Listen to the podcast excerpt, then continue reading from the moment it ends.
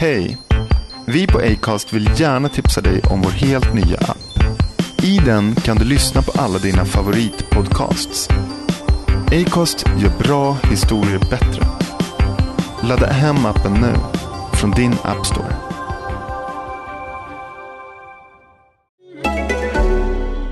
Du lyssnar på en podcast från Expressen. Ansvarig utgivare är Thomas Mattsson. Fler poddar hittar du på expressen.se podcast och på iTunes.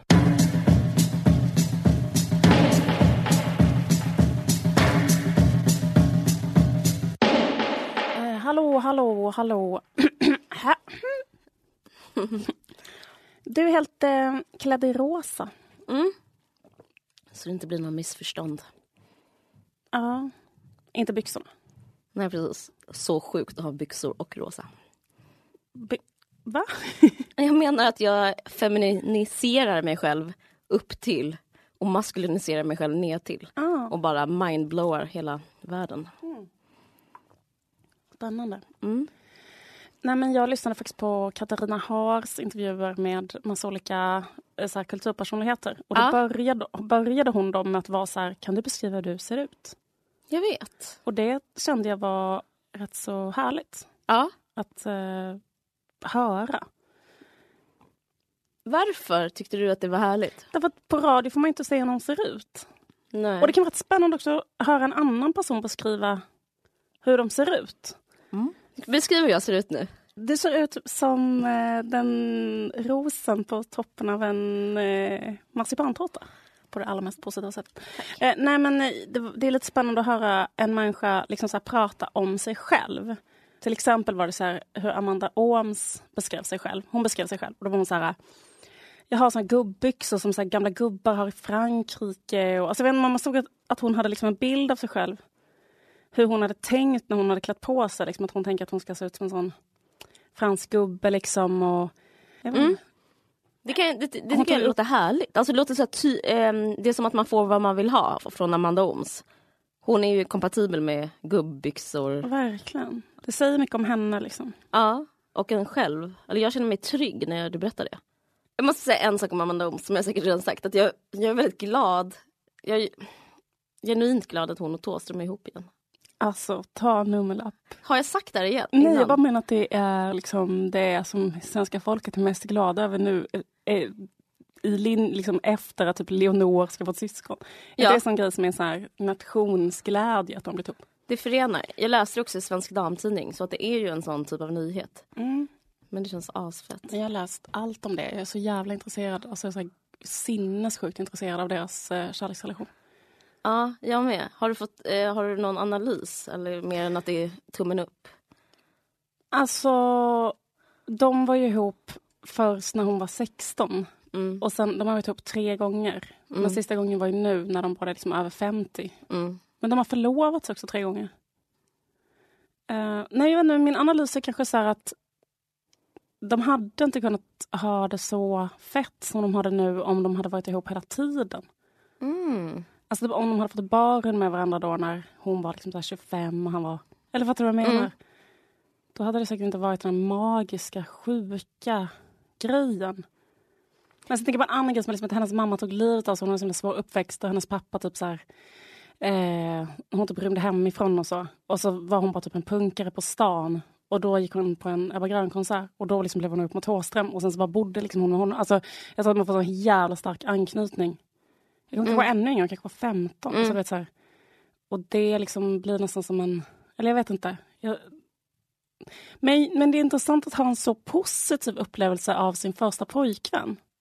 Jag vet. Jag läste det där som sagt i Svensk Dam och då stod det att eh, hon ser den mannen som hon har barn med eh, det livet, det är kanske 12 år eller någonting, Mm. som en parentes hon aldrig mer vill tänka på.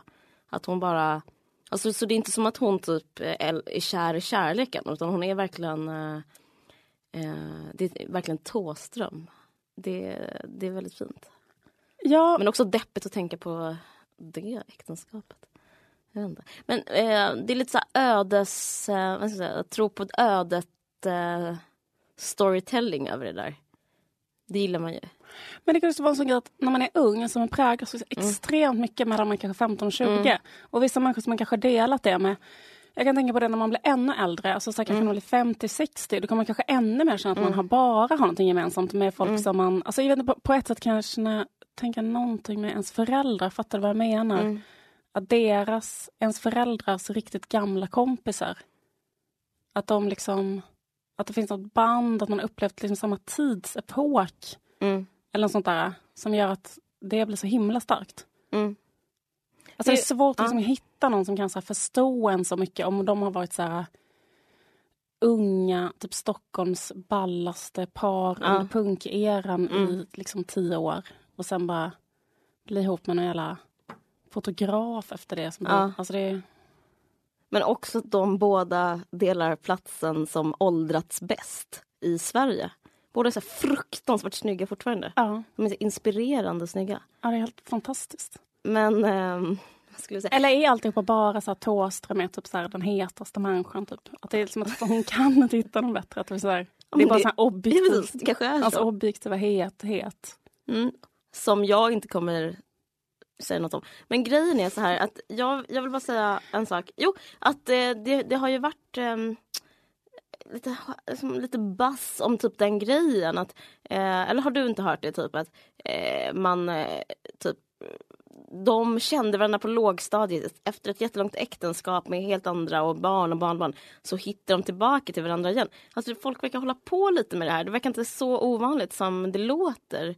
Utan det är någonting som eh, det är kanske typ rätt så mänskligt att så söka sig tillbaka på ålderns höst när man var kanske som bäst eller som lyckligast eller som eh, det, det är inte så oförståeligt. Det som jag tycker är konstigt med det Mm. är ju att då måste man ha haft det så lyckligt och bra Mm. under den tiden. Alltså jag blir liksom lite hänförd av Mm. det. Att hon säger så här, liksom för det första, att hon kunde gå på en Ebba, alltså det normala som skulle hända om man skulle vara 15 och gå på en Ebba Grön konsert.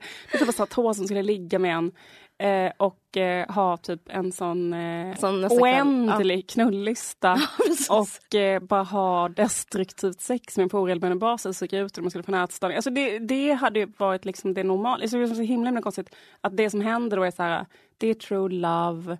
Hon har liksom på riktigt aldrig kunnat glömma honom. I och för sig är hon så fruktansvärt snygg också. Så man Ja. kan tänka sig att det fanns Tänk liksom henne som ingen... 15-åring. Oh. Nej men på riktigt. men, ja. Ja men jag menar precis, det måste vara sinnessjukt. Så på det sättet så kanske eh, hon också hade sånt, för hon har sånt, sånt jävla liksom, skönhetskapital. Och sen har de något annat gemensamt, att de är lite sådär oironiska och liksom lite sådär humor, alltså Mm. sådär allvarliga på något eh, lite sådär eh, som tillhör en era. 80-talet, eh, tidigt 80-tal. Jag kan verkligen tänka mig att de liksom fortfarande har så stearin i vinflaskor, alltså stearinljus i vinflaskor och sitter så över en middag och pratar och typ utan att kommentera det. Att de bara, men eh, eh, vad tycker du om ja, men vad som helst? Och så bara så rinner det sånt, ster, en sån stearinklump längs den vinflaskan. Absolut. Och de bara, det här är, att, det här är självklart för mig. Det finns ingenting att säga om det här. Att de kanske så här, eh, tar svartvita foton. Ja! Och att, typ, att ha basker är ingenting. Det är bara det är en mössa. Att man hatar eh, eh, Stockholm. Fast hon hatar kanske inte Stockholm. Jag tänker på det att man ser Berlin som den riktiga huvudstaden i Sverige. Så för mig kommer Stockholm aldrig vara det viktigaste staden för mig. Precis.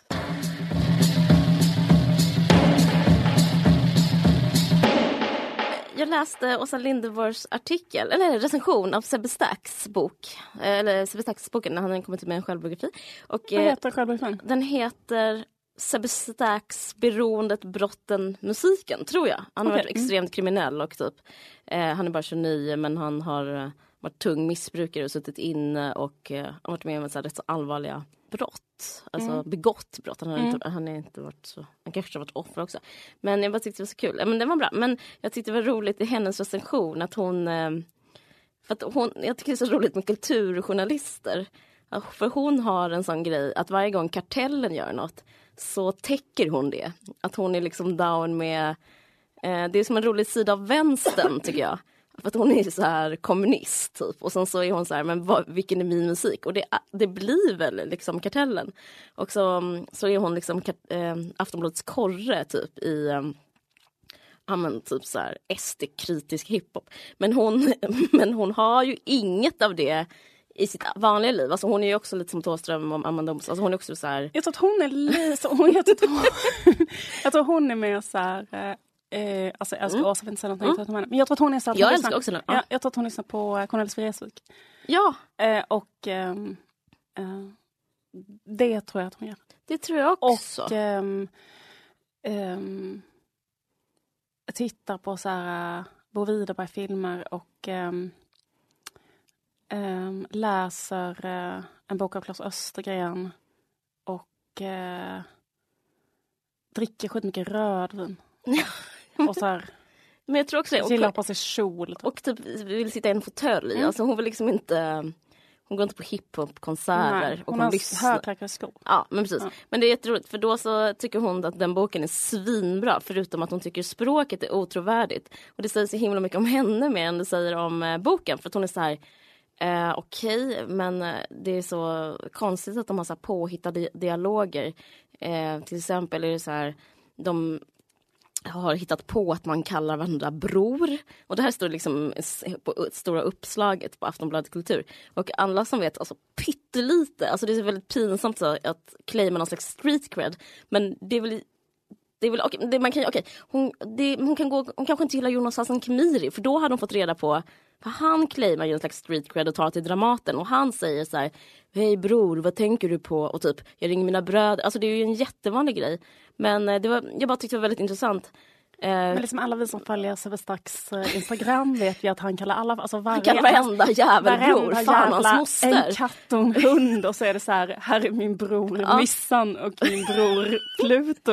ja. eh, liksom, det, alla hans inlägg på Instagram är ju så. Ja, Tack eh, för dina inlägg Sebbe, om du lyssnar. Det är väldigt bra. Ja, men det är verkligen inte, som hon säger, ett uppstyltat kostymdrama. För hon tror att det är mer som en, att det är någonting man lägger till som en titel. Så här, eh, Gode herrn eller något sånt där. kanin. Ja, men något sånt där. Så att, det var väldigt flummig del av den där recensionen. Ja. Men eh, jag har inget att säga om det förutom att eh, eh det var kul. Det var ja. kul att tänka sig hur Åsa Linderborg levde. Det är det man börjar tänka på. Ja, men boken verkar bra i alla fall. ja, så bra. Den verkar så bra. Jag är så peppad. Um, hur som helst. Um, det har uh, startat en ny trend, eller ny och ny, en ny gammal trend i USA. Har du mm. hört talas om det? Uh, som är... Um, USA har hört talas om. har hört talas om en ny trend i USA. Som, det är så jävla roligt att jag ska försöka göra en trendspaning. Nej, men grejen är att uh, på riktigt så är det en ny trend som heter vaginal spa. Som ah. handlar om att göra ett vaginal bath, ett cleansing bath for your vagina. Okay. Och det är väldigt stort i LA nu. Och anledningen till att det har så här, eh, exploderat eh, är för att så här, Gwyneth Paltrow, Paltrow mm. har bloggat eh, om att hon har gjort det. Och det är då tydligen en så gammal koreansk tradition men som också så här, eh, tydligen förekommit i Latinamerika. Men eh, det verkar som att det är så en eh, koreansk eh, grupp som eh, gör det här i, eh, eh LA. Och då så skrev hon om det på sin blogg och då Det är så jävla typiskt. Jag tycker Gwyneth Paltrow är så jävla loll, alltså hur hon är. Det är så himla roligt att så här, finns det ett spa för någonting. Då är hon liksom... Kan du ge fan på att hon står och bankar på dörren? Och hon bara liksom blir helt jävla tokig när hon får höra att, att det finns något sätt man kan ånga någonting på. Eller så bara ångar hon någonting. Jag vet. Ja, vad tycker du om henne som skådis? Jag kan bara... Ja, men jag tycker hon är bra. Uh, tycker du att hon är snygg? Jag vet inte. Grejen är så här. Um, Läser du hennes blogg? Nej, det gör inte. bara jag, som gör. jag kan bara tänka på att hon har blivit övergiven av Chris Martin och han ihop med en Va? 20 år yngre tjej. Jag tror att, att, att det var han som gjorde slut. Ja. Hmm. Han var, för jag tror inte på honom. Jag tycker, han, jag tycker han har trovärdighetsproblem. Att gå på så på stranden och vad heter den låten? Uh, skitsamma, men den, eh, den handlar typ om sorg och gå på stranden. Det tycker jag är fult sätt att ragga på. Oh. Skitsamma. Uh, jo, men den här vaginal cleansing. Ja, det. Uh, det är så här, jag har varit inne på deras hemsida och då är det så här, det handlar om att man, att det är så här, a spa for your lady parts. då, då eh, är poängen att man ska sitta så här på en stol med typ en slags gynstol med liksom ett hål i. Alltså fast man sitter upp. Okej. Och under Som det... en handikapptoalett. Men jag vet inte, jag bara tänker på Bergman. När jag bodde i Bergmanhuset då hade han en sån. Det kanske var Ingrid Bergmans Lady Parts Cleansing Spa Ja. som du råkade gå in på. Men grejen är att eh, då... Eh, jo, och då under det så har man en sån brew av ehm, örter. Som En man brygd ångar, alltså? en häxbrygd, Ja. bara en helt vanlig häxkittel som man eh, ångar upp ångor i sin vagina, i sina lady parts. Ja. Och då, eh, det är typ en jätte, jätte, jättegammal tradition i Ja. massa olika länder. Och då finns det så här, eh, och då skriver de att det har massa olika så här, hälsobringande effekter. Vad kul, Ehm, vad? Ja men du vet, de skriver på sin hemsida att det har alla hälsobringande effekter. Och det tycker jag känns negativt med alltihopa. Att de skriver så här eh, att det till exempel botar eh, infertilitet. ehm. men en grej som jag tyckte var rätt så intressant var att de har en speciell sån som man ska göra efter sin förlossning. Alltså inte direkt efter men typ så här, kanske två månader efter. Något sånt där. Mm.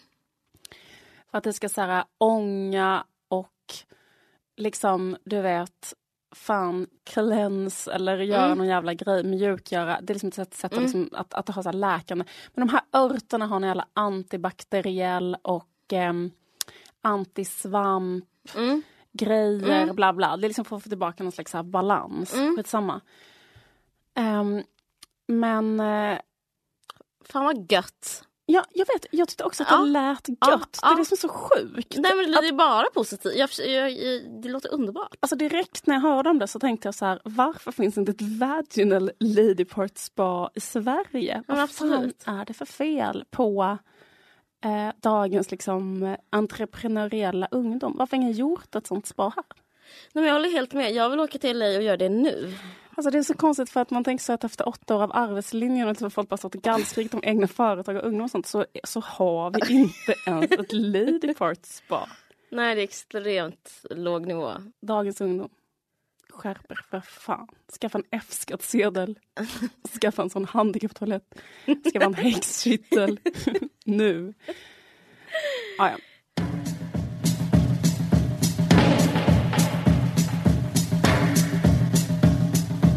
Vi pratade innan lite grann om Katarina Haars intervjuer på P1. Hon har liksom en intervjuserie där hon intervjuar, hon intervjuar så den gamla kulturparnassen på något sätt. Hon har intervjuat så Tommy Berggren, Amanda Åns, Roy Andersson, eh, Marianne Lindberg De Geer.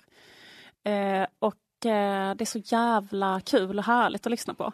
Eh, alla de människorna som man vill eh, höra tycker jag i alla fall. Mm, mm, mm, mm. Ehm, och eh, faktiskt jävla öppenhjärtiga intervjuer. Jag hörde så intervju med Roy Andersson. Hörde du den intervjun? Nej, nej, Nej. Jag hörde bara Marianne Lindberg. Ja, Ja. men det var sjukt i alla fall. För då bara sa han typ i intervjun så här, jag dricker alldeles för mycket och jag vet inte. Han, det var väldigt öppenhjärtigt. Vad speciellt. Jättespeciellt. Han bara liksom hade så ganska öppen stämning kring att så här, han kanske hade typ, jag vet inte. En sån känsla kring sitt drickande, att det inte var bra. och Så. Det är rätt sällan man hör folk prata om det så. Verkligen. Man hör bara tvärtom. Han verkar inte må bra. Nej, på ett sätt så... Jag ska inte säga att det gläder mig, men, men det är som att... För jag tänker att hans filmer är så fruktansvärt ytliga, som en slags eh, tre timmars reklamfilm.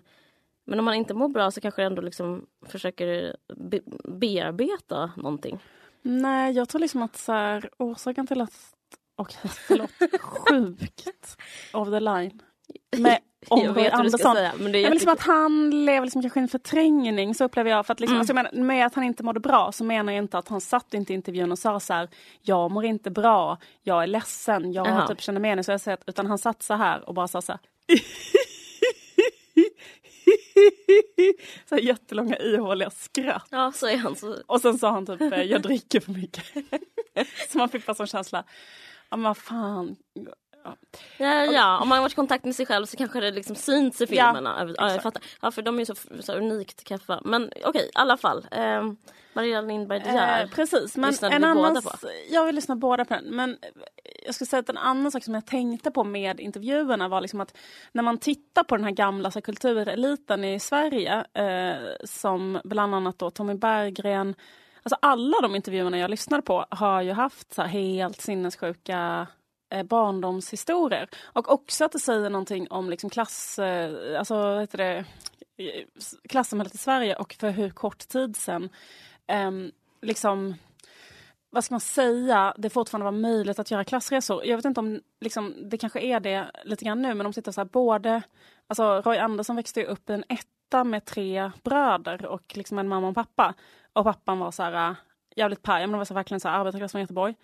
På ett sätt så var det så intressant, mm. eller inte, att så här, det, det är så jävla möjligt, eller så här, mm. att eh, också um, det kräver ju liksom en social välfärd där de här människorna ja. liksom kan ändå typ så här, äh, ta sig fram. Problemet nu i Sverige är att så här, borgarna har typ så här, monterat ner allt det där. Alltså det är så jävla mycket svårare för en människa nu som bor så här, fyra barn i en etta och liksom har jättesvårt liksom, som det bor så in i helvetes mycket som människor nu i, i Sverige, Malmö, Göteborg, Stockholm.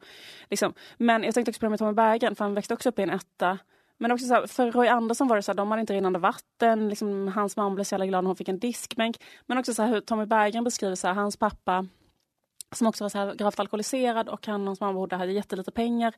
Och sen blev han ändå så här, ja men Sveriges bästa, bästa skådespelare. Alltså liksom att det fanns, eh, det är liksom en eh, det finns i konsten en sån jävla potential att eh, använda trauman och göra ja. det mm. till någonting som blir en drivkraft och blir något positivt. Liksom. Och, eh, um, och att det är så jävla viktigt liksom. Med kultur. Framförallt så här, uh, för människor som är socialt utsatta. Och med ja, ekonomisk utjämningspolitik. Jag tänkte på det, jag tycker det är jätteintressant att du tar upp det för att jag Eh, det var nästan det som berörde mig mest. Hon, både du och jag har sett Tusen bitar, den här mm. dokumentären om Björn Afzelius. Mm. Och då är hon väldigt där, generös och bjuder väldigt mycket på mm, deras relation och hennes känslor och sådär. Men, eh, men faktiskt nästan att den här intervjun var starkare för hon sa det på ett annat sätt. Ja, var så jävla stark. Ja, men hon sa den här grejen att hon jobbade som vårdare och sen så um, så då fick hon sin dipp. Då hade han träffat en annan kvinna. Björn hade hittat en annan tjej eller sånt, sa hon, och bodde med den där tjejen. Och då, men då, då tänkte jag på välfärdssamhället för då var så att hon blev så deprimerad att då fick hon sjukskrivas. Ja. Eh, och, var, och det var det enda jag tänkte på, men det här är, det här Sverige finns typ inte längre. Liksom. Att hon blev sjukskriven ja. Ah.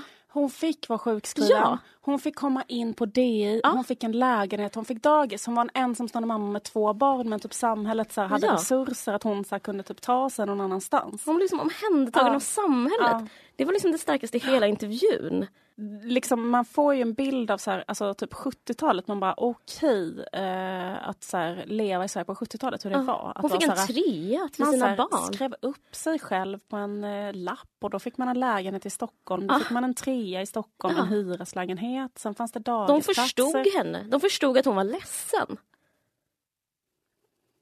Ja, det, det, är liksom helt fantastiskt. Ja, det är helt intressant. Det känns som eh, den marken, alltså det Sverige helt fysiskt liksom inte finns längre. Så här, man fick en väldigt stark känsla av att så här, marken har dragits undan ens fötter. För att om man själv skulle så här, deppa ihop, om ens kille lämnar en och man hade några barn, då, då finns det liksom inget. Ja, jag vet inte, det, det, var, ja, det var obehagligt på något sätt. Fast det var också väldigt fint att hon fick sin andra chans. Mm. Men... Eh, ja precis. Nej, men liksom, jag tyckte bara det var så här... Uh, det är så roligt också. Nu kan vi säga för sig till våra lyssnare om någon inte vet att Marianne Lindberg De Geer är liksom en konstnär som nu också är chef på uh, Kulturhuset i Stockholm och är som chef över teaterdelen uh, där. Hon är mm. som teaterchef där tror jag. Eller något. Ja, jag fattar inte vad det hette ja. men hon är, hon är superchefig liksom. Ja. Konstnär. Och, eh, och liksom på 70-talet så var hon tillsammans och början av 80-talet med Björn Afzelius och eh, de hade ett barn och Björn Afzelius lämnade henne. Men det var ju liksom också att Eh, eller det som jag tyckte det är så kul också för det är så jävla mycket namedropping, det är så jävla roligt. Eh, att hon berättade att hon är så här, ensamstående mamma till två barn tror jag fruktansvärt deprimerad.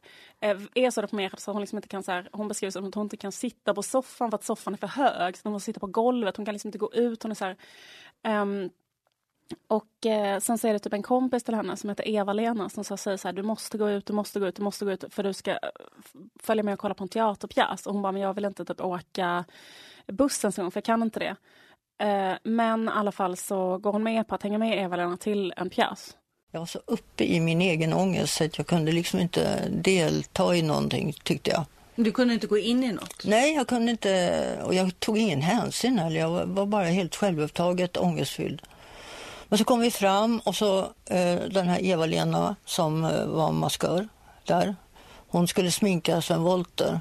Eh, och eh, Sven Wollter och Marianne Lindberg De Geer känner varandra lite grann innan för de har jobbat med tältprojektet tillsammans. Men nu är ju då Marianne liksom helt nedgången och eh, Sven Wollter är på väg upp. Liksom. Sven Wollter är på väg upp och liksom så här, Marianne känner också att alla människor runt omkring henne liksom så går vidare i sina liv och får skitfeta utbildningar och skitbra för alla. Men att hon bara liksom är fast, fast, fast, fast, fast i en så fruktansvärd livssituation som hon liksom inte känner att hon kan överhuvudtaget liksom ta sig ur. Vi kanske ska säga att hon jobbar som vårdare på psyket. Mm, ja. Mm. Och så står jag, du vet, en stor sminkspegel. Sven i fåtöljen, han tittar rakt fram på sig själv i spegeln och ser mig som står och hänger bakom. Så tittar han på mig genom spegeln och så säger han så här till mig. Limpan kallas jag, Lindberg. Limpan. Det var ju synd att det aldrig blir något av dig, sa Sven. Jag tycker det är så himla kul att så här, det är så jävla bjussigt att ge, ge mig den här bilden Sven Wollter. Ja. Tycker du, men får jag fråga dig, du, mm. blev du illa berörd av att han sa det? Typ tänkte du så här, ja ditt svin. Ja. Ja, för jag tänkte inte det. Okay. För sen säger Marianne Lindberg i typ så här meningen efter mm. och det gav mig sån jävla push för då tänkte hon så här, hon tänkte ju ditt svin. Ja. Och det är så härligt ja. att hon gör det. Och, hon sa så här, och jag reagerar med en gång så här. Jag blev tävlingsinriktad. Jag känner fan, Sven Wollter, ta det i arslet. Ja, det är så roligt att uh, säga Sven Wollter tar det i arslet. Och sen säger hon så här. Jag tror faktiskt att det där hjälpte mig jättemycket att våga åka upp till Stockholm och sen kände jag så här, dra åt helvete, vadå inget blev, är jag slut? Alltså han, han tryckte precis på den där knappen som jag själv har känt att jag, när jag jobbar där, alla andra börjar jobba med andra jobb. Nu är jag slut, jag är färdig, det är lika bra, jag är mamma, jag kan gå här och hämta och lämna från dagis och laga mat resten av livet och så flyttar ungarna så jag är ensam. Nej, Nej men precis. Men då tänker jag, eh, jag vet, okay, det var ju klart störigt. Men jag tyckte det på ett sätt så här, han hjälpte ju henne där ja. liksom. Och det är klart att det var otrevligt sagt men Ehm, jag tycker ändå så himla inspirerande. Det är också ett sätt att våga säga eh, så till en människa som man kanske tror väldigt mycket om. Eh, och han gjorde ju säkert det, och för att hon var ju hon är superbegåvad. Men jag, jag tycker det är så intressant med det hon sa, för jag tror du och jag pratade om det här innan, om tävlings... Också så här, typ att tävla med framgångsrika män. Jag, för jag har så super eh, igenkänning. Jag känner inte igen mig särskilt mycket alls i hennes liv. Men den grejen om att så här, med Sven Wollter, vem som är så liknande motsvarighet idag, om en sån person skulle säga något till mig Alltså jag skulle liksom eh, börja jobba i skift. Hammar skulle sagt så till dig. Ja men typ. Fan vad synd att det inte blev något av det. jag skulle verkligen så ge... Det, liksom, det, handlar, det blir något större. Det handlar liksom om så här det är så vi mot dem. Alltså det, är, det är något... Eh, jag förstår henne så mycket, att bli så här inspirerad av att så här, slå, hon, slå Sven Wollter på fingrarna. Det är också min drivkraft. Jag känner igen den drivkraften. Jag vill också vinna över Sven Wollter. För han, är så, han har en sån självklar roll i vårt samhälle. Han är så uppburen. Han har det så lätt. Liksom. Det är jättebra liksom, som så positiv affirmation. Den här affirmationen, ta dig arslet Sven Wollter. ja. Att man skulle kunna ha det nästan på ett sånt så armband eller som berlock så ja. ska det stå så här, ta dig arslet Sven Wollter. För det är liksom, det är väldigt inspirerande ord. Verkligen. Eh, tanke. Men jag tycker också det är jävligt intressant att beskriva den här situationen. Så här, jag är så jävla tacksam själv för att jag så här, får hålla på med sån mm. skit mm. som vi håller på med just nu. Mm. Och du vet så här, bla bla, att jag inte behöver ha ett vanligt jobb och så. Mm. Att jag inte behöver jobba i princip. Nej men typ jag behöver bara göra sånt som jag tycker är kul liksom. Jag får bara ja. rita serier, det är sinnessjukt liksom. Men jag har ändå liksom haft en sån period, liksom som hon beskriver, just den här grejen att man inte vet så här hur fan ska man uttrycka sig, vad händer? Och jag kan liksom inte, eller jag jag tycker det är jävligt intressant att hon beskriver situationen att hon är liksom 34, 35, hon har två barn, hon jobbar som vårdare. Hon är liksom helt oförlöst, hon har ingen aning om vad fan hon ska göra. För det är hennes kompis föreslår att hon ska bli maskör men det har hon ju aldrig tänkt på ens en gång. Mm. Hon har bara liksom målat men hon tror att det är skitdåligt och aldrig ens tänkt att hon skulle kunna liksom göra något med det. Och, mm. um, men det är, och på den tiden så måste 35 har varit ännu äldre. Alltså, för jag kommer ihåg, för du gick ju på det. Är det inte roligt att hon gick på DI? För Jo, det är mega mysigt. Men jag var ju också asgammal när jag gick på DI. Ja, men du var ju inte ens 35. Men då kommer jag ihåg att det var sån stämning att de på DI sa till dig, Sara, när du skulle söka, så här, va? Är du, liksom, för då var du 30 eller 31? Jag var när det- 30 när jag började. Ja, men då var det typ sån stämning, Sara. Eh, varför Stina Dabrowski sa att du kommer hoppa av. Eh, ja, men för att jag typ, ja, men för att jag redan hade ett liv eh, med hon i och för sig. Men det var att jag var äldst i min klass och typ äldst på hela DI. Ja. Ja. Men tänk då när Marianne Lindberg De Geer gick där att hon var tvåbarnsmamma och 35 och sen att hon har sån blomstrande lång karriär framför sig. Det är inspirerande tänker jag också att det, är liksom så här, det är inte för sent, man ska inte ge upp. För jag kommer också ihåg den där grejen innan man så här kunnat komma ut med sitt skapande, att man känner sig så jävla håntad av det. Att man tänker på hur gamla alla var när de debuterade. Alltså om man vill skriva till exempel. Att jag, jag kommer ihåg att jag brukar tänka på Kerstin Ekman. Är det Kerstin Ekman som debuterade när hon var 40? Eller det är Elsie Johansson kanske. Elsie Johansson debuterade när hon var typ dryga 40 med sin första roman. Mm. Men jag tänker också att, jag vet inte om jag är negativ, men jag tänker att den tiden, lite som jag är inne på det här med Sverige som tar hand om de sina. Alltså, jag vet inte om den, jag känner att det kanske inte är så nu. Alltså, jag menar inte att förstöra någons drömmar men det kanske är för sent när man är 35. Alltså, jag tänker på min morsa, hon tog... Förr i tiden fick hon, kunde man ta obegränsat med studielån. Min mamma tog CSN i 14 år. Eh, det fanns ju till och med ett substantiv de kallas väl överliggare, de som aldrig slutar plugga. Liksom.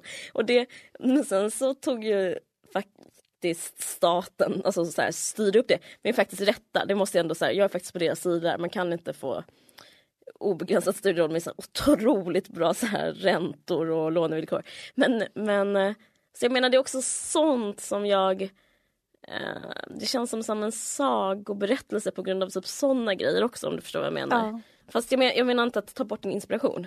Nej, men jag håller med dig och eh, Det är typ det, så här, är, Du får en lägenhet och du får göra vad du vill, när du vill, hur länge du vill. det är liksom på två sätt samtidigt. Liksom, Ja. För att det handlar också om vad man själv gör. Men det, Ja. handlar också om, det handlar också om samhället.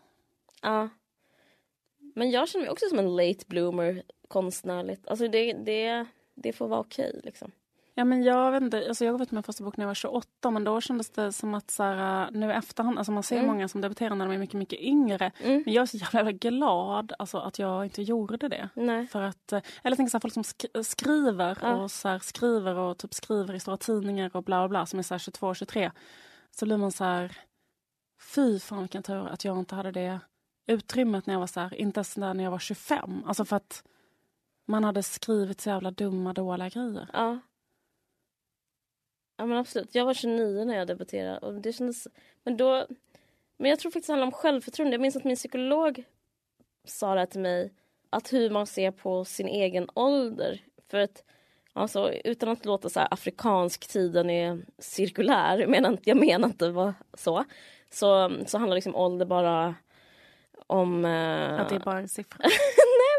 Grejen är att det är Säger du det här för att komma undan med att vara ihop med en 17-åring? Jag är faktiskt ihop med en yngre kille. Men i alla fall, det, Nej. Sluta skryta. Förlåt. Det jag, det jag försöker säga är så här. Att vi, jag tycker det är intressant för det var en uppenbarelse för mig. För min psykolog sa så här. Det, det sättet att beskriva sig själv på är inte en objektivitet. Det är, det, det är bara ett symptom på depression. Det är så depressivt att tycka att allt är för sent. För om man tänker efter, jag vet inte om det är ditt fall, men jag kan ta- tala ut det för mig själv. Jag minns att jag som 21-åring hade exakt samma känslor eh, som jag kan ha nu om att saker och ting är förstörda, Ja. för sent och eh, därför vill man ge upp. Alltså liksom det är en slags att motivera att, att, att ge upp. Och det är, det har ju inte med ålder att göra utan det är, så här, det är depressivt bara. Och det är rätt så, mm, det är rätt så, så befriande ny tanke att bara tänka att eh, det är inte för sent. Eh, och det, väl, det måste vara det som hänt Marianne Lindberg De Geer Ja. också. Det är så jävla... Ja, precis, det är verkligen som tecken på friskhet att Ja. tänka så här, det är fortfarande möjligt, jag kan liksom ändra något om jag vill det. Och så där. Men eh, jag, jag tänkte på också, för när jag började rita serier, Mm. var, eller jag kanske ritat lite grann serier, men jag började liksom mer göra det mer aktivt. Då var jag typ 23 och då bodde jag liksom i en lägenhet och då gjorde jag ett uh, fanzine med min kompis.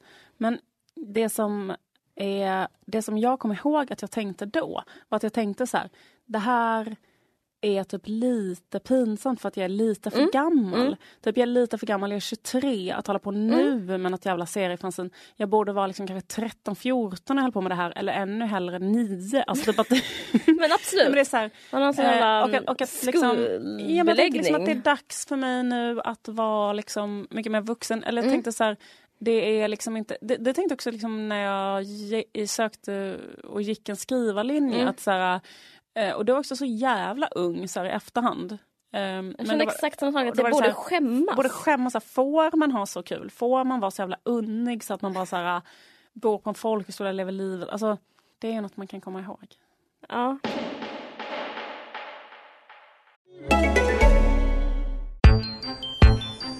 Att lyssna på podcasts har precis blivit både bättre och enklare. Ta del av en bättre podcastupplevelse med bilder, länkar och klipp. Ladda hem Acast-appen från din App Store. Eh, jag har sett nya avsnittet av Mad Men. Finale. Mm. Säsongsfinal av Mad Men. Alla känner säkert till Mad Men för nu är det, är det nummer... Är det säsong sju nu? Jag tror det. Ehm, eh, det är intressant för att han, Don Draper som det handlar om, han har hamnat i total eh, kris nu. Det kan man ju tänka sig. Alltså det, det, Kan du spoila det här avsnittet? Nej, utan Nej. det här är hans biografi. Det här är inte liksom hans eh, i själva avsnittet utan i hans riktiga liv. John Hamm heter han. Ja, ja, John Hamm ja. Mm. Ja, han har, Det har jag läst om. ja, han har i total kris. Han har blivit alkis. Han har blivit alkis. Eh, det är ingen spoiler med att säga att Don Draper också är alkis. Men jag tycker så himla, ja, jag vet inte, det känns så, det säger någonting om hur Mad Man är, att hur, eh, hur bra det är på ett sätt, eller så här, hur mycket det betyder, hur mycket han gav och för att han kan han, han har väl värsta separationsångesten, han har värsta krisen. Har han liksom, är det för att han har druckit riktig sprit hela tiden under inspelningarna? Nej, jag tror att ehm, det är någonting med identif- identifikation med rollen men jag tror definitivt handlar mer om att eh, om han inte är Don Draper då är inte han någon. Och, för han var verkligen Don Draper, han är så himla bra som Don Draper. Ja, jag tror att han eh, har separationsångest som. Men jag tänkte Ja. på en grej, att han måste ha fått... Alltså, han dricker kanske inte riktigt sprit när han spelar i... Liksom. Nej. Men vissa gör ju det. Alltså, eh, JR i Dallas gjorde ju det och Ja. fick så transplantera sin lever och var så grav alkoholist. Ehm, men en grej de gör i Mad Men är att de röker så jävla mycket cigg. Ja, Och det tänker jag också, de borde typ få lungcancer bara av att vara med där. ja. Men, Eller emfysem eller i alla fall liksom beroende av cigaretter. ja, men absolut, men det, det tycker jag också säger något om hur bra det är. Att det liksom alla bara ger Offra livet. Men offra livet för de rollerna. Men jag tänkte på Pippi Långstrump, vad heter hon? Inger... Um, något. Typ, inte I Nilsson. Ja, Inger Nilsson. Det är liksom vår version av uh, Don Draper. Liksom. Men för, för det kommer ju, han, han, kom, han kan ju aldrig få någon annan roll. Tror du inte? Men vem skulle det vara? Men jag, alltså, jag tror att eh, det är lite Pippi över eh, Don Draper. Att, liksom, att ha den här eh, stigmat liksom, av, att, av den, liksom, den, eh, ens livsroll. Att det är så på gott och ont. Vi- Vad gjorde han innan? Ingen vet, ingen bryr sig. Vad gör han efter? Ingen vet, ingen bryr sig. Men det är också lite grann som kanske, eh, vad heter det, Sarah Jessica Parker. Och Ja. Att hon kan inte så spela en film, fast hon gör ju det ändå. Men... Gör hon det? Du menar Sex and the City-filmen nu? Ja, precis. Nej, men hon kanske är så här, en komedi där hon är så här, uh, The Boss's Girlfriend eller en film som just heter något sånt. Ja. Men det kanske är en film. Men nej, Ja. men det, har inte, det går ju nästan inte Nej. att spela samma roll. Fast samtidigt har jag väldigt svårt att så här, känna så här, riktig sympati för Hollywoodstjärnor. Eller jag vet inte, det är jättesvårt att så här, se dem som offer. Ehm, men eh, han kan ju försöka sig resten av livet på att åka runt på sådana Mad Men eh, eller sådana sci-fi mässor och vara Don Draper och Ja. göra något Don Drapigt inför barnen. Eller typ ligga med olika kvinnor. Han är så otroligt sexig så att eh, där, det kan han nog alltid göra. Och jag tror typ folk, jag tror serien har gått så bra på grund av att han är så Alltså det är liksom lite, jag ska inte, jag ska inte dumförklara honom men det är lite så här Alltså det är lite så ögongodis-serie. Alltså typ att man ser på den för att typ man vill se han i bar överkropp. Liksom. Men, men jag lyssnade på en podd, eh, New Yorker Out Loud, som brukar, en här kulturpodd. Och då så tycker vi det är intressant, för en, jag vet inte, är, är Mad Men så allmän gods? Vet folk vad det är? Ja, det tror jag. Det handlar liksom om reklamare på 60-talet på Madison Jag Avenue. tror att jag har sett eh, minst av alla människor hela Sverige, för jag har sett två säsonger. Typ. Ja, men precis. Eh, då, då, om du vet så vet Ja, men exakt, om jag vet, då vet en sån skogsmänniska som har bott i skogen hela sitt liv. ja, precis. Då vet, vet Thåström och Amanda om, har de, de har ju inte sett Mad Men. Nej, nej, nej, nej, nej. Men de tittar på... Tittar inte de på en film av jo, Jim Jarmusch? Jo. Tittar inte de på eh, Nights on Earth? Jo. Medan de lyssnar på Tom Waits. Jo. Och sen äter de kött. Ja. För de är inte vegetarianer De har, än. nej, det har inte, det har inte lanserats. nej, nej, nej, för fan. Ehm, så är deras liksom fredagkväll. De har typ inte ens börjat med olivolja. Jag tror att liksom de är så långt borta från nutiden. Men hur som helst, den blev rätt så kritiserad i början när den kom för att de rökte, att den var så demoraliserande. För mycket sa att man har, en, man tar ett äktenskap, man har en älskarinna, man ligger med horor och älskarinnor, man röker och dricker. Och allt som är dåligt i livet, ett så här okristet liv på något sätt. Blev den kritiserad för det? Minns inte jag. Vad sjukt. Ja, Kanske av kristna. Vem? Nej men inte kritiserat kanske men det togs upp mycket. Jag kommer ihåg att jag jobbade på Rodeo, det var 2007. Och det var liksom så otroligt, det, ja, det var väl, så- togs upp väldigt mycket att de rökte och drack. Eh, nu är det väl svårt att förstå. Men det är kanske också det att man brukar liksom inte se det på tv. Nej, Eh, att det kanske, på ett sätt så är det ju lite banbrytande att det inte är tillrättalagt. precis. Um, liksom för nu för tiden, 2007, Ja. räknar nu för tiden, eh, då skulle man inte göra nyproducerat uh, drama där, där alla, alla, alla, alla, alla rökte. Nej precis. Men jag tyckte i alla fall det som intressant var med som hon sa podden, eh, den här Emily Nussbaum eller vad hon heter. Som, Ja, från den här New Yorker. Ja, podden. precis. Att hon bara ja, ehm, berättade att äldre kvinnor hade svårt att se på det här för att eh, de eh, blev så illa berörda av att minnas hur sexistiskt det var på 60-talet. För det är ju väldigt bra, det är väl skildrat, alltså sexismen. För sexismen fungerar som ett slags det är liksom som vänta, fjärde huvudpersonen eller någonting. Alltså det är verkligen så här subjektet. Alltså den drivs av sexism den här serien. Eh, och, Det, är så ja. jäv, det var en jävligt bra analys Ja. av Mad att de sa så att de, de Ja. tre karaktärerna som det liksom ehm, eh, kretsar kring, eller som allting, alltså det Ja. handlar om så här, tre olika sätt att vara en jävligt så här, eh, en kvinna, en jävligt eh, hårt patriarkat. Liksom dels är det då Don Drapers första fru, Betty, Betty. Ja. och sen Peggy Ja, som, som är- försöker så här, äh, göra karriär Ja. i liksom en extremt manschauvinistisk bransch och sen är det eh, Joan som är liksom eh, typ vampen som är sekreterare, så typ superklyschig kvinna på 50-talet. Men Som sen blir delägare. Som att hon, så de gör, eh, både Peg och hon får chansen. Men även då så är de offer för de, de här patriarkala strukturerna. Och det, det, är så, ja, det är så jävla väl skildrat. För att de två, alltså i en drömvärld, i typ en, en feministisk våt dröm, så skulle ju de vara kompisar. Och så här, typ you go girl, we can do this together. Typ. Men det är istället så att de söndras. Liksom. De, deras relation är obefintlig och de så här strider mot varandra. De sitter i ett eh, styrelserum och så ska de sälja Joan och Peggy ska sälja strumpbyxor till en firma som heter McCann. Och då säger eh, en av de här gubbarna till Joan eh, på engelska, men får jag bara fråga dig en sak? Eh, och hon bara, ah, vadå? Eh, varför är inte du i bh-branschen? Och eh, det här är liksom, hon är en, en, en part i affären och han är en annan, liksom, hon är vd för det här företaget. Och hon bara, vad menar du? Jo, för att du är så otroligt naturbegåvad på den fronten. Att hon har liksom jättestora Mm. bröst. Och då ska hon ändå så här seal the deal, hon ska ändå gå på middag. Och så är de så här hela tiden, ja men om du vill sälja de här strumporna, då hade jag börjat inleda med eh, att har du på dem själv? frågar han. Och så säger hon, ja ibland. Hon bara, då hade, om du vill sälja, berätta det. Berätta hur du tar på dem, berätta hur du tar av dem. Berätta.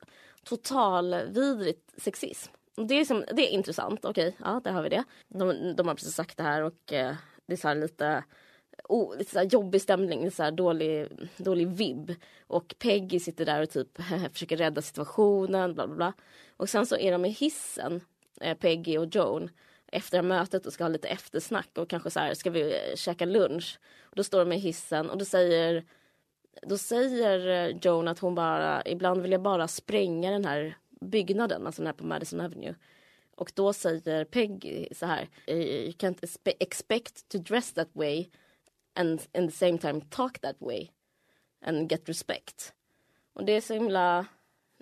Det, och då säger hon så här tillbaka, I don't dress the way you do because I don't look the way you do. Det betyder typ i sammanhanget att hon är, att Peggy är så jävla ful och Joan är så jävla snygg. Hon har det, men Peggy har det inte. Men jag tycker det är så jävla intressant för det påminner mig typ om det, det, det är så bra skildrat att det finns. För det är typ jag, jag började typ så tänka på en sak jag läste så på Facebook på så Kakans Kakan har skrivit om sån sminktips. Man kan bara få en obehaglig känsla av eh, det här är mycket, mycket, mycket så längre tillbaka och det är mycket värre och det är mycket mer så söndrande. Men det är så hemskt så att hålla på så och shamea varandra och typ säga att fem, feminina grejer man kan inte vara allt som kvinna, att man ska typ så bära en slags skuld själv. Alltså vi var inne på det här när Lena Andersson pratade om att man inte ska sminka sig, man ska inte pynta sig om man är emot könsmaktsordningen. Jag vet inte, jag tycker det är väldigt så här, jag vill så här beundra Madman för att de så illustrerar det, eh, kanske inte vaggan till det, men liksom att det finns liksom kvar som så här rudiment i vårt samhälle idag, att man, att man bär skuld om man är feminin på något sätt. Absolut. Det som Kakan skrev, jag läste också, jag ska bara mm. säga, det var typ att hon hade gett tips på så här scrubs, typ mm. ansikt, typ tio tips eller sånt där. Och då mm. hade hon blivit så väldigt kritiserad för det för att folk jämförde det med att så här, banta eller att vara intresserad av feminina grejer är så dåligt. Men det var väldigt bra tycker jag att hon sa, sa ifrån. Hon sa ifrån på ett väldigt bra sätt. Um, tycker jag. Men jag tycker att det är jättemycket, alltså jag kanske är en mig i det där att inte riktigt kunna kolla på Mad Men för att det är för hög igenkänning. Alltså, för att du känner det så här, brings back sexistiska memories? Ja, typ. eller typ ja, att det är det så här, är smärtsamt. Ja, eller att man kan känna igen sig. Uh, ja, jag tycker, och, och, att man tänker på sina anfäder, eller vad man ska säga. Alltså... Att man, ja, man ömmar för kvinnorna? Tänk, liksom. Jag tänker på mina egna mm. kvinnliga släktingar bakåt i tiden och sådär. Och jag tänker på mig själv också mm. mycket. Men det är intressant det där med så här, uh, har du, du, när minns den, den situationen när någon gör ett sånt sexistiskt skämt som mm. han gjorde då, eller mm. skämt eller vad det nu mm. är. Eller det är sexuella trakasserier ah. då. Men uh, jag har varit med om det jättemånga gånger. Mm, precis, det är en så jävla obehaglig grej den där grejen att man står så här och man bara va, va? Och sen alla runt omkring bara skrattar helt plötsligt. Ja. Och så är man själv så här, att man inte har fattat riktigt eller typ så här, the jokes on you liksom. Ja, jag vet. Vad tänker du på? Du tycker du är glad. Så, ja, men jag det var en så otroligt komisk grej för att jag, när jag åkte buss sist, ja. då var det så här eh, svin många EU-migranter som var på bussen för de skulle åka till ja. så här, ett live, en liksom Eh, och då var de så på så jävla gott humör och då satt jag mitt emot två killar och då började de två männen eh, liksom eh, sextrakassera mig så jävla mycket. Nej, och då var de så här eh, eh, fast jag kan, inte, jag kan inte prata om det här så. Men det, men, men, jo, det kan du. Men det, men det var så det är så, det är så himla awkward så att det är så här, äh, man bara, men vad håller ni på med? Alltså det är så här, eh, att de var så här, de höll på att säga så här, give me a little kiss. Eh, och så var, var de hela tiden så här, bara lusade på give me a little kiss. Och sen var det så här, eh, vi vill ha ett telefonnummer. Eh, alltså skitsamma. Men det, det var liksom bara så eh, udda för att så här, den och samtidigt så blev jag så glad för att jag bara så här, den relationen jag brukar ha med ehm, eller de har ju så, hade ju kvar sina så tiggarmuggar så först ja. när de började approacha mig så tänkte jag så att de skulle be mig om pengar men så gjorde de inte det utan de ville så här, ha min telefonnummer och säga mm. att jag var snygg och att jag skulle ha en liten kiss om dem och jag ville gå träffa dem och sådär. Mm. Jag bara garvade när det hände för att det var komiskt. Men jag tycker det är komiskt för att... eh, nej okej vi kan... Ska- varför det är komiskt. Nej men för att jag bara tänker typ så att, det, att de har så jävla jobbigt Ja. i, i, Ja. i. Alltså det är så, det är ju allas problem just nu. För Ja. att så här, hur fan kan vi leva i en värld som har personer som behöver tigga, något är så jävla fucked up. Mm. De lider, alltså det, är typ, det haglar ute. Men att de typ tydligen inte har det så jobbigt så att de att de alltid, alltid finns lite plats för sexism. Ja men det var det som var så himla kul. Det var det som gjorde liksom att jag var så här, det här är som en... ehm, Alltså det här är så himla, jag bara så här, jag kan typ nästan inte riktigt tro att det här händer. Men det är Liksom. som man tänker på det, um, ja men jag vet inte, men det fånglägret nu, alltså palestinska fånglägret som är så, det mest omänskliga som hänt, liksom, ja 2000, eller hur många är det? Hur, hur många människor som helst liksom eh, fångatagna av is liksom. Alltså det är så sjukt för alltså med den här alltså, tankebanan ska man Alltså, jag ger mig fan på att det händer sexism där också. Liksom. Att det blir så evigt. Liksom. Eller typ att det är koncentrationslägren att typ någon orkade Men det var så sjukt också för att Ja men, ja men absolut. Att typ det är men det sista som lämnar så människan Ja men precis, men jag tycker det är så komiskt liksom ens egen roll. Alltså så här, för att hela, Ja. alla västerlänningar, eller alla så här, så här, eh, präktiga all präktig Ja. medelklass i Sverige just nu Ja. håller på så här, att eh, operera och stångas eh, och liksom lida och eh, be, liksom, hitta sin självbild liksom, i relation till så här, att det finns en massa tiggare på gatorna utan pengar. Och ehm, det, blir, det, det är liksom så jävla sjukt där, för det är som, jag blir först glad. Jag tänker så här, för första gången så ser här människorna agera på någon egen, på något eget initiativ. Eller fattar du vad jag menar? Eller liksom utifrån Ja. egen idé att så här, försöka styra upp en dejt med mig där. Men liksom så här att, alltså det var ju liksom också så sjukt för att hans fru satt så också där precis bredvid och så höll han på så här hela tiden och säger så här, där är min fru, där är min fru. Eh, och liksom hon, alltså hur hon hade, ja skitsamma. Ehm, Men det säger ju någonting om typ den så kollektiva skulden. Att, typ, att du inte reagerar som... eh, Du blir inte offended, du blir typ så uppmuntrad. Typ så här, Mm. ger tummen upp. Alltså, nej men det jag menar att, det, att det, det som jag tycker är positivt det är ju så här att det blir en så himla konstig idé som är så här jag bryr mig om era mänskliga rättigheter på premissen att ni är goda eller något sånt där. Mm. Om någon tror att, eh, som det är liksom eh, i början av den här filmen Trevligt folk, att Mm. alla där tror att de snor cyklar och så. Men menar, och sen så är kontentan så här, fast de snor faktiskt inte cyklar. Men alltså även om de snor cyklar så finns det typ Genèvekonventionen. alltså, De har ändå rätt att så Ja, men de inte är ändå- bli eh, halshuggna. Ja men det liksom. finns liksom internationella regler om det finns en konflikt här. Om de sen kommer hit och snor cyklar eller röker marijuana eller sextrakasserar folk. Alltså det spelar ingen roll. Det gör alla människor. Sen Mm. vissa, alltså, liksom, eller att, att deras här, vandel inte är, är en, inte är en faktor. Mm. Ehm, eller så. I, I en slags ideologisk antirasism. Jag fattar inte ens varför man överhuvudtaget ska diskutera det. Nej verkligen. Ehm, men ehm, Men det, det är ju djupt rotat. Det är ju liksom ett sätt att eh, konservera människor, att inte göra dem eh, nyanserade. Att liksom göra dem antingen till offer eller till goda eller till liksom... Mm, det, är men det, det, ja, skit fucking samma, jag kan inte riktigt prata om det men eh, det är lite så här eh, att, att en god så här, akademiker från Iran får liksom, eh, det är så himla underbart men alltså man måste ju också älska typ en dålig arbetare från Iran som kanske är homofob. Alltså han förtjänar inte dödsstraff bara för att han inte, bara för att man inte är så duktig. Det är, så här, det, det, det är bara så här projicerat så här duktighetskrav på eh, ja, verkligen. människor som inte är Eller att det ska vara nyttiga eller något sånt. Ja men precis. Men det är intressant just med sextrakasserier att det är så här... äh, det, det är som så här... Det är som den här låten, den här Dr. Cosmos-låten. Jag låg med henne i Tjeckoslovakien, låg med henne i... Har du hört den låten? Nej. Men det är så här... Ja, men, äh, ja, det är som sagt, det är så här, med att bli sextrakasserad, det är så här, jag blev sextrakasserad av Emigrat, man blev så sextrakasserad av en rik gubbe i Ja. Stockholm, jag blev sextrakasserad när jag var i eh, Tjeckoslovakien, jag blev sextrakasserad när jag var i Skåne. Alltså det är liksom, det är så här, det, Ja. det är bara liksom en så evig fond. Verkligen. Det är så här förenar, det är det att vara människa på något Mm. sätt.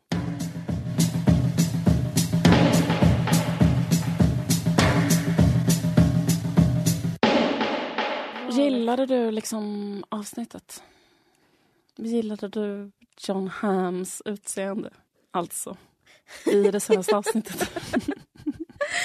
Nej men eh, jag gillade avsnittet men jag börjat, alltså varje gång, jag tycker det här, är så, det här handlar inte om Mad Men men varje gång någon, någonting blir bra Alltså när, när, sak, när människor blir för kända eller saker blir liksom för upphåsade då tappas ofta en slags kompass. Och då typ så gör man, provar man sina så konstnärliga vingar lite väl mycket. Kan jag tycka. Och det, det tycker jag Madman borde sluta med. Eh, jag kan också känna igen mig själv. Typ, Mm, jag känner mig själv. Typ att man tror att man ska bli älskad för vad skit som helst. Vilket man typ, man kommer undan med det mesta men det, är liksom, det hade varit bättre om, inte, om man bara skärpt sig istället. Eh, och eh, eh, men liksom, om jag kan se det nästan i vilket uttryck som helst. Folk håller liksom på så jättemycket och sen så blir de ledsna om de inte blir älskade fast de har gjort skit. Men Mad Men har en grej med att hålla på med så här drömsekvenser. Och det tycker jag att eh, det var bättre innan när de var ängsliga. Och det kanske om det är någon så här aspirerande konstnär eller författare eller filmregissör som lyssnar på det här. Så, så tycker jag faktiskt det finns en viktig drivkraft att tro att man inte ska bli älskad bara för att man finns till. Finns till. För, att så, för när Mad Men kom så var det så här, ja men det var en det var en så här medförfattare på so, soprano som fick prova sina vingar. Okej, Okej, du kan få skriva någonting själv då. Och då ansträngde han sig um, till tänderna. Liksom. Han bara liksom kämpade på karaktärsbeskrivningar. Han, liksom, han bara höll på, höll på, på och liksom gjorde det helt utsökt. Sen så bara älskades det sönder. Och nu är det typ så att Don Draper ser i syne, går in så här på en diner, säger så här till en kvinna, jag känner igen dig. Sekunden efter så knullar de mot en vägg. Liksom, jag tycker inte det är så bra. Mm, Det är mycket sånt i det här avsnittet. fattar. Det, det bör sluta snart, vilket det kommer göra. Mm. Ja. Hur tror du det kommer sluta? Jag vet inte. Jag har faktiskt inte tänkt på det. Vill du göra en förutsägelse? Alltså det kan ju vara så att alla dör och han byter jobb eller att han dör. Jag vet inte. Det, kan, det är en slags tragedi. Alla blir sprängda i en stor, som det var i Tre Kronor. En terrordåd. Kul att ni lyssnar på den här podden. Vet du att faktiskt att nu så finns också vår bok på, alltså man kan liksom beställa den faktiskt på Adlibris. Är det sant? Ja, eller man kan liksom i alla fall så klicka på en sån förhandsgrej. Eh, Förhandsbeställa den. Ja, ja, ja. Alltså jag såg det. Jag vet. Nu måste, för jag ska säga när den kommer ut. Den kommer ut på lördag, vilket är helt stört. Okej, men då podden sänds ju på fredag. Mm. Så imorgon alltså Mm. kan ni... Men det var så kul för jag kollade på Adlibris, då var det så här ehm, tips till dig som kanske vill köpa den här boken. För att det kommer upp så här Mm, andra mm, tips. Och då säger så här, du kanske också gillar så här IQ 84 av Haruki Murakami. Alltså den sämsta boken som finns. Men eh, det var rätt så kul. Och vad var det mer för skit? Det var, fast jag tänker att de har en sån slumpgenerator så när det inte finns något, för den går inte att köpa än. För annars så är det ju typ att de kanske rekommendationerna kanske är andra som har köpt samma sak. Ja, ja, ja. Men nu var det bara så här uh, random. Ja. Så det var liksom den till exempel. Men eh, hur som helst så, eh, Ja, men man kan förbeställa den på Adlibris. ja precis. Eller Bokus. Bokus. Eller vad fan som helst, gå in och köp den i en affär. Den heter Kära Liv och Caroline. Den är jättebra. Den här podden görs i samarbete med Expressen Kultur. Jag heter Liv Strömqvist och eh, med mig och gör den här podden I är cockpiten. med mig i cockpiten. Usch, inte cockpiten. Jag har såna jävla pannor angående vad som har hänt. Ehm, jag fått... Kan du gå ut ett tag, Liv? Så du ska låsa dörren? Ja, förlåt. Jag heter Ehm. Caroline Ringskog. Tack för att ni var med oss. Nu, nu gör vi klart för landning. Nej. Eh, Ah. ha det så bra, hej då. Hej, hej. Du har lyssnat på en podcast från Expressen. Ansvarig utgivare är Thomas Mattsson. Fler poddar hittar du på expressen.se podcast och på iTunes.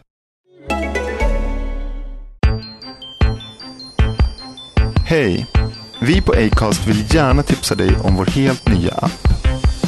I den kan du lyssna på alla dina favoritpodcasts. Ladda hem Acast-appen från din App Store.